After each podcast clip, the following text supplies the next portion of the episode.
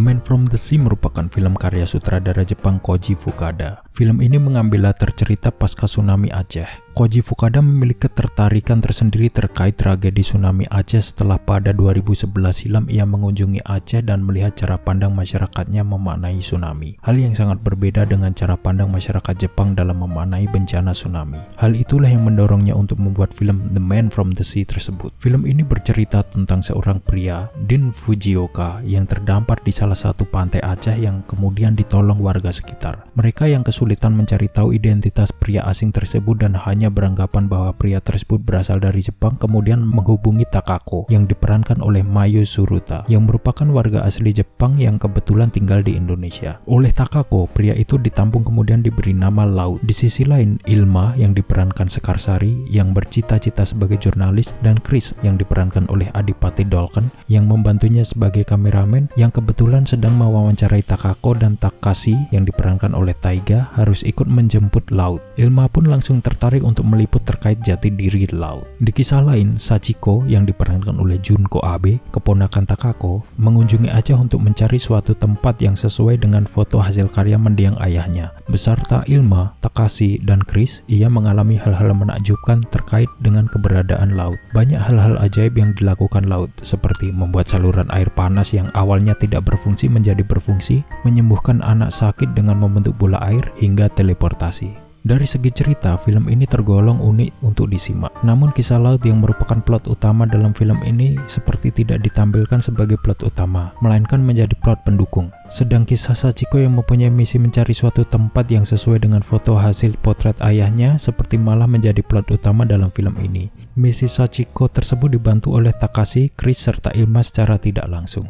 Latar belakang tokoh Ilma ditonjolkan lebih banyak dibanding tokoh lainnya. Ilma bercita-cita menjadi jurnalis dan berusaha mengirimkan artikelnya terkait keajaiban laut ke surat kabar Aceh. Meski mengalami penolakan, namun hasil liputannya malah berhasil ditayangkan di televisi swasta nasional oleh bantuan kawan Takako yang merupakan jurnalis senior. Malangnya hasil liputan Ilma diaku sebagai hasil liputan jurnalis senior tersebut, hal yang membuat Ilma terpukul. Selain itu, kisah Ilma bersama ayahnya yang merupakan mantan anggota gerakan Aceh Merdeka yang harus mengalami kepinjangan oleh tentara Indonesia dan menganggap orang Jepang sebagai musuh menjadi cerita lain yang juga mendukung karakter Ilma. Hanya saja latar belakang Ilma sebagai pelayan atau pemilik warung kelontong tidak dijelaskan secara rinci dan malah membuat tanda tanya. Ketika Ilma pergi meliput, siapa yang menjaga warung? Tokoh laut yang diperankan Den Fujioka merupakan tokoh sentral dalam film ini. Dapat dibilang Den Fujioka memainkan perannya dengan baik, namun karena porsi perannya yang tidak terlalu banyak membuat penampilannya kurang memukau. Tokoh laut seperti digambarkan sebagai tokoh penghubung dari satu konflik ke konflik lainnya. Sutradara sendiri seperti ingin menonjolkan tokoh laut sebagai seorang pria misterius yang murah senyum, namun memiliki keajaiban-keajaiban yang tidak dapat dipahami oleh nalar manusia. Tokoh Ilma merupakan gadis Aceh yang kehilangan ibu beserta tempat tinggalnya oleh bencana tsunami melanda tahun 2004 silam. Ilma mempunyai cita-cita yang tinggi dan mempunyai karakter gemar belajar. Tokoh ini diperankan oleh Sekarsari. Sekarsari sendiri memainkan tokoh Ilma sesuai porsinya, tidak berlebihan dan tidak kekurangan. Aksen Jawanya mendadak hilang dan digantikan dengan aksen serta bahasa Aceh yang halus. Tokoh Chris merupakan tokoh yang dibuat jenaka dan apa adanya. Adipati Dolken memerankan Chris seperti memerankan dirinya sendiri. Aksen Aceh kurang disajikan dengan baik oleh Adipati. Meski demikian, Adipati memerankan tokoh Chris dengan amat baik. Hanya saja tokoh Chris merupakan tokoh yang pendewasaan karakternya kurang baik. Di satu sisi ia tampak luas, di sisi lain ia kaku hanya karena cinta. Tampilan keren yang melekat pada dirinya seakan memudar saat ia sedang jatuh cinta. Padahal ketika jauh dari perasaan cinta, Chris seperti laki-laki keren pada umumnya yang mudah bergaul dan penampilannya modis.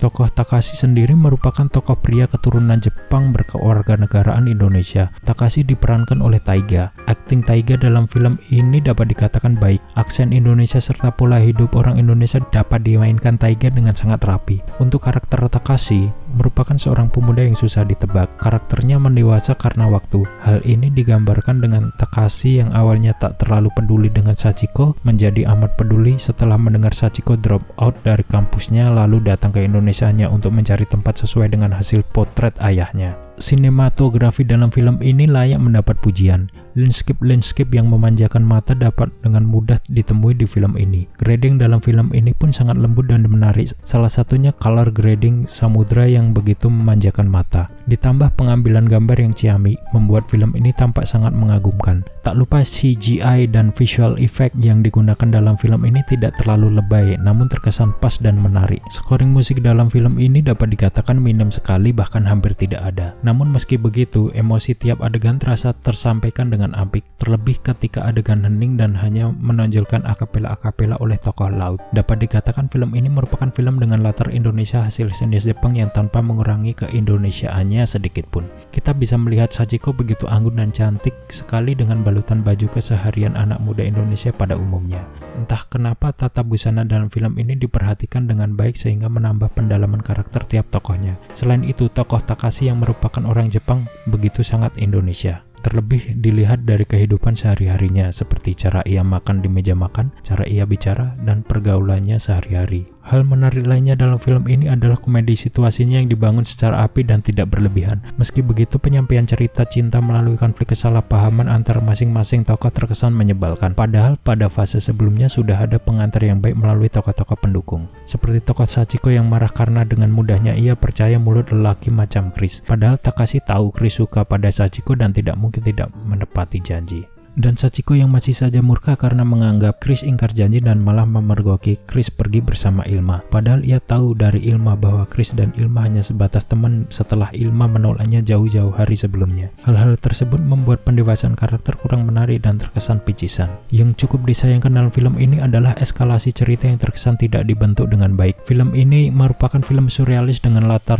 realis yang terkesan ingin membuat penontonnya mempunyai interpretasi masing-masing. Namun daripada itu, interpretasi interpretasi penonton akan berbeda-beda setelah menonton film ini. Bisa saja penonton menganggap tokoh laut adalah jelmaan dewa laut yang sedang bermain-main dengan manusia, atau tokoh laut ini sering menukar nyawa dengan nyawa di sekelilingnya. Hal yang tercermin pada adegan-adegan sebagai berikut. Seorang kakek tua yang menganggap laut anaknya yang hilang kemudian meninggal beberapa waktu setelah berjumpa dengan laut. Takako yang meninggal karena laut, dua bocah Sabang yang meninggal karena laut. Dari hasil keempat manusia yang meninggal tersebut, laut tukar dengan empat nyawa yang kemungkinan meninggal dalam waktu yang dekat, yaitu Ilma, Chris, Sachiko, dan Takashi, sehingga empat sekawan itu tetap hidup. Overall, film ini memberikan pengalaman sinematik yang menarik dan memberikan pandangan lain tentang laut yang indah sekaligus mengerikan, laut dalam arti sebenarnya. Film ini layak tonton sebagai film surrealis di tempat yang realis.